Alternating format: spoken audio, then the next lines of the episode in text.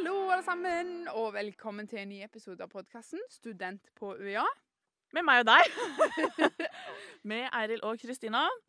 Og i dag så skal vi snakke litt om studieteknikk. Og jeg vil bare understreke med en gang før vi begynner. Ingen av oss er eksperter på noe som kan minne om studieteknikker.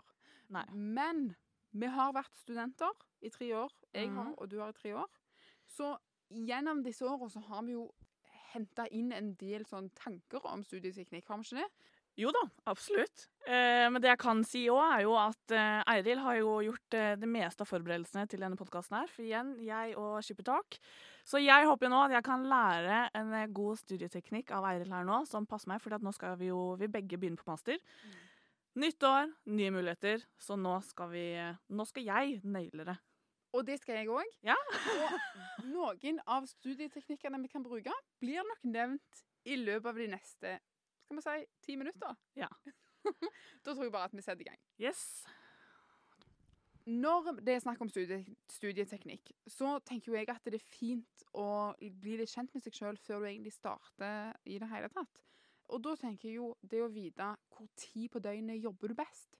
Ja. Jeg kjenner jo meg sjøl at eh, jeg er mest produktiv før klokka tolv på morgenen. Mm. Og det syns jeg er ganske dumt, for jeg liker å sove lenge. og så vet jeg andre som deg, som for eksempel, Ja. som liker å ha forelesning seint på kvelden, fordi det er da du er i ditt ess. Ja. Så jeg er stikk motsatt. Mm. Og det syns jeg er litt slitsomt, for jeg Jeg eh, liksom skulle ønske at jeg var den personen som sto opp tidlig. Og så er det jo da at når du da har en tidlig forelesning, Mm. og jeg jobber best på kvelden og har sittet på kvelden før og arbeida med en oppgave eller lest, så er jeg litt sliten eh, egentlig helt frem til tolv. Jeg tenker også Et annet tips eller, ja, som kan hjelpe på studieteknikken, er jo det å komme forberedt til forelesning. Ja. Og Dette har jo meg og deg snakket eh, mye om. Og Mm. jeg har vært student i tre år og vet jo at det hjelper å komme forberedt til forelesning. Ja. Men det er vanskelig å gjennomføre det. Så nå, nytt år på master. Mm. Jeg satser på å komme forberedt til forelesning. Rett og slett fordi at det er lettere å hente inn informasjon når du allerede har på en måte fått et snev av hva det kan handle om i forkjøpet. Ja, og ikke bare det, men du veit også da allerede kanskje hva er det jeg lurer på? Har jeg noen spørsmål, så kan du stille det i forelesninga. Og det er jo når du har foreleseren der at det er interessant å stille spørsmål. Ja. Fordi han eller hun kan det jo. Det er jo en grunn for at denne personen foreleser i dette faget. Mm. Så hvis du lurer på noe, så kan han eller hun mest sannsynlig svare, og det er jo interessant. Ja. Videre så tenker jeg jo at eh, noe som jeg har brukt veldig mye Mm. når eh, jeg har eh, Jeg hadde litt sånn skrivesperre når jeg skrev bachelor I filie. i to måneder. Men eh, for å komme meg ut av det, Mm. så brukte jeg noe som heter presskriving. Jeg visste egentlig ikke at det hadde et ord. Mm. Men eh, det jeg gjorde, var egentlig at jeg bare satte meg ned foran PC-en Mm. og skrev alt jeg kunne, helt ukritisk, i Mm. hva da, fem minutter, kanskje. Mm. Eller så lenge, så lenge det holdt. Og dette gjorde jeg eh, til bacheloren. Dette kan du òg gjøre om et tema. Si at du skal ha, gjøre om andre verdenskrig, da.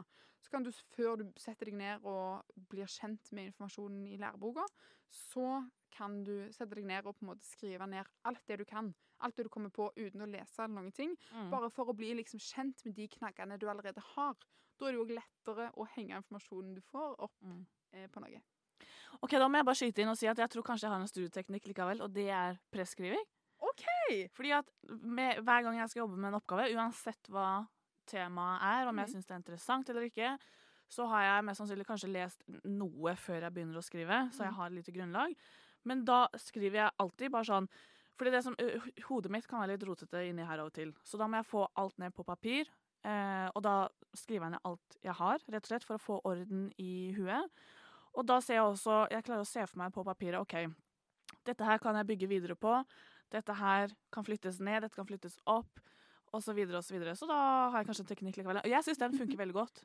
Ja, og det syns jeg Jeg er helt enig i. Og det som jeg på en måte føler er et sånn nøkkelord i når du holder på med sånn presskriving, er jo Mm. at du skriver litt ukritisk. Ja. For det var det jeg sleit med på bacheloroppgaven min, var at jeg Mm. tenkte at de ordene jeg skriver nå, kommer jeg til å levere inn. Ja. Og da blir det altfor mye press. Mm. Men hvis du bare skriver og tenker jeg kommer til å redigere dette 20 ganger før jeg leverer det inn, ja. så det er bare for meg, Da er det på en måte lettere å Det er jo da de på en måte blir kjent med det du allerede kan, tenker jeg. Mm.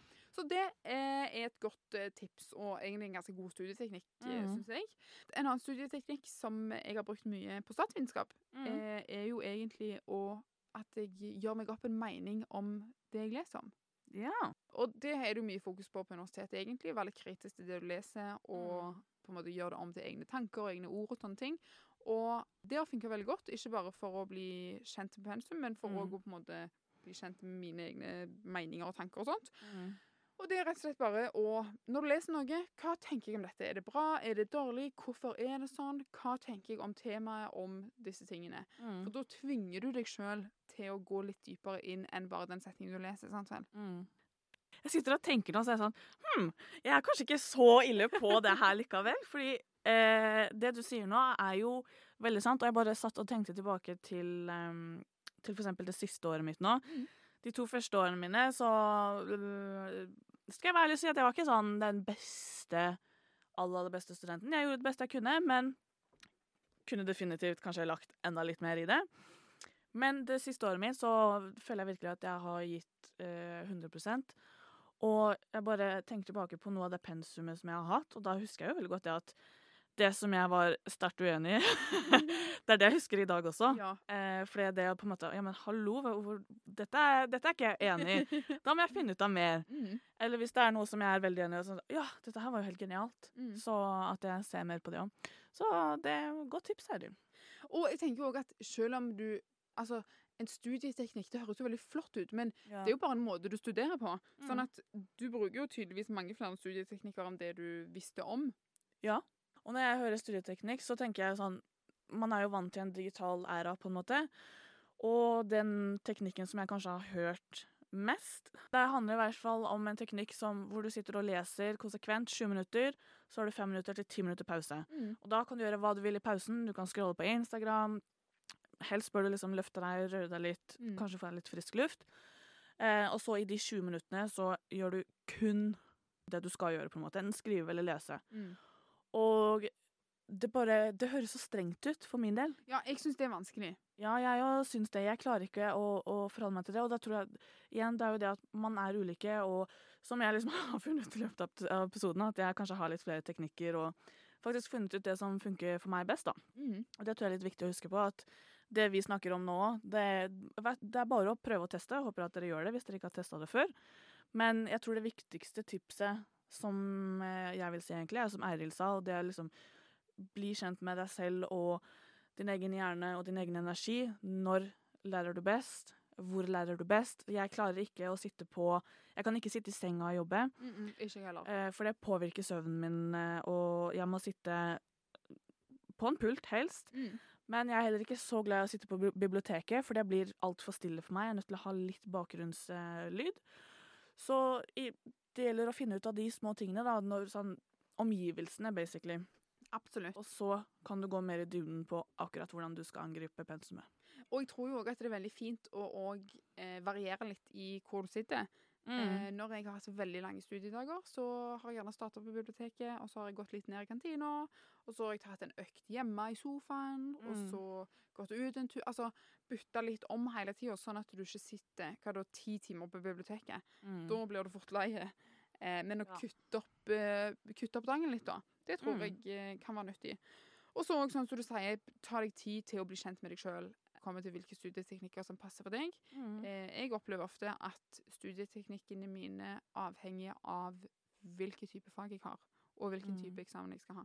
For eksempel hvis jeg har en multiple choice-eksamen, så kan jeg jo sy synes at det er dumt å skrive en utdypende tekst Mm. eh, som eksamensøving. Da er det mer relevant å lese på konkrete fakta og litt sånne ting. Mm. Eh, mens hvis jeg har en eh, to ukers hjemmeeksamen, f.eks., så vil det jo være nyttig å kunne litt om alt, men òg ha tilgang til hvilke eh, lærebøker Altså bli kjent med lærebøkene, egentlig, Mm. for å finne ut hvor fins det jeg skal skrive om, eventuelt. Mm.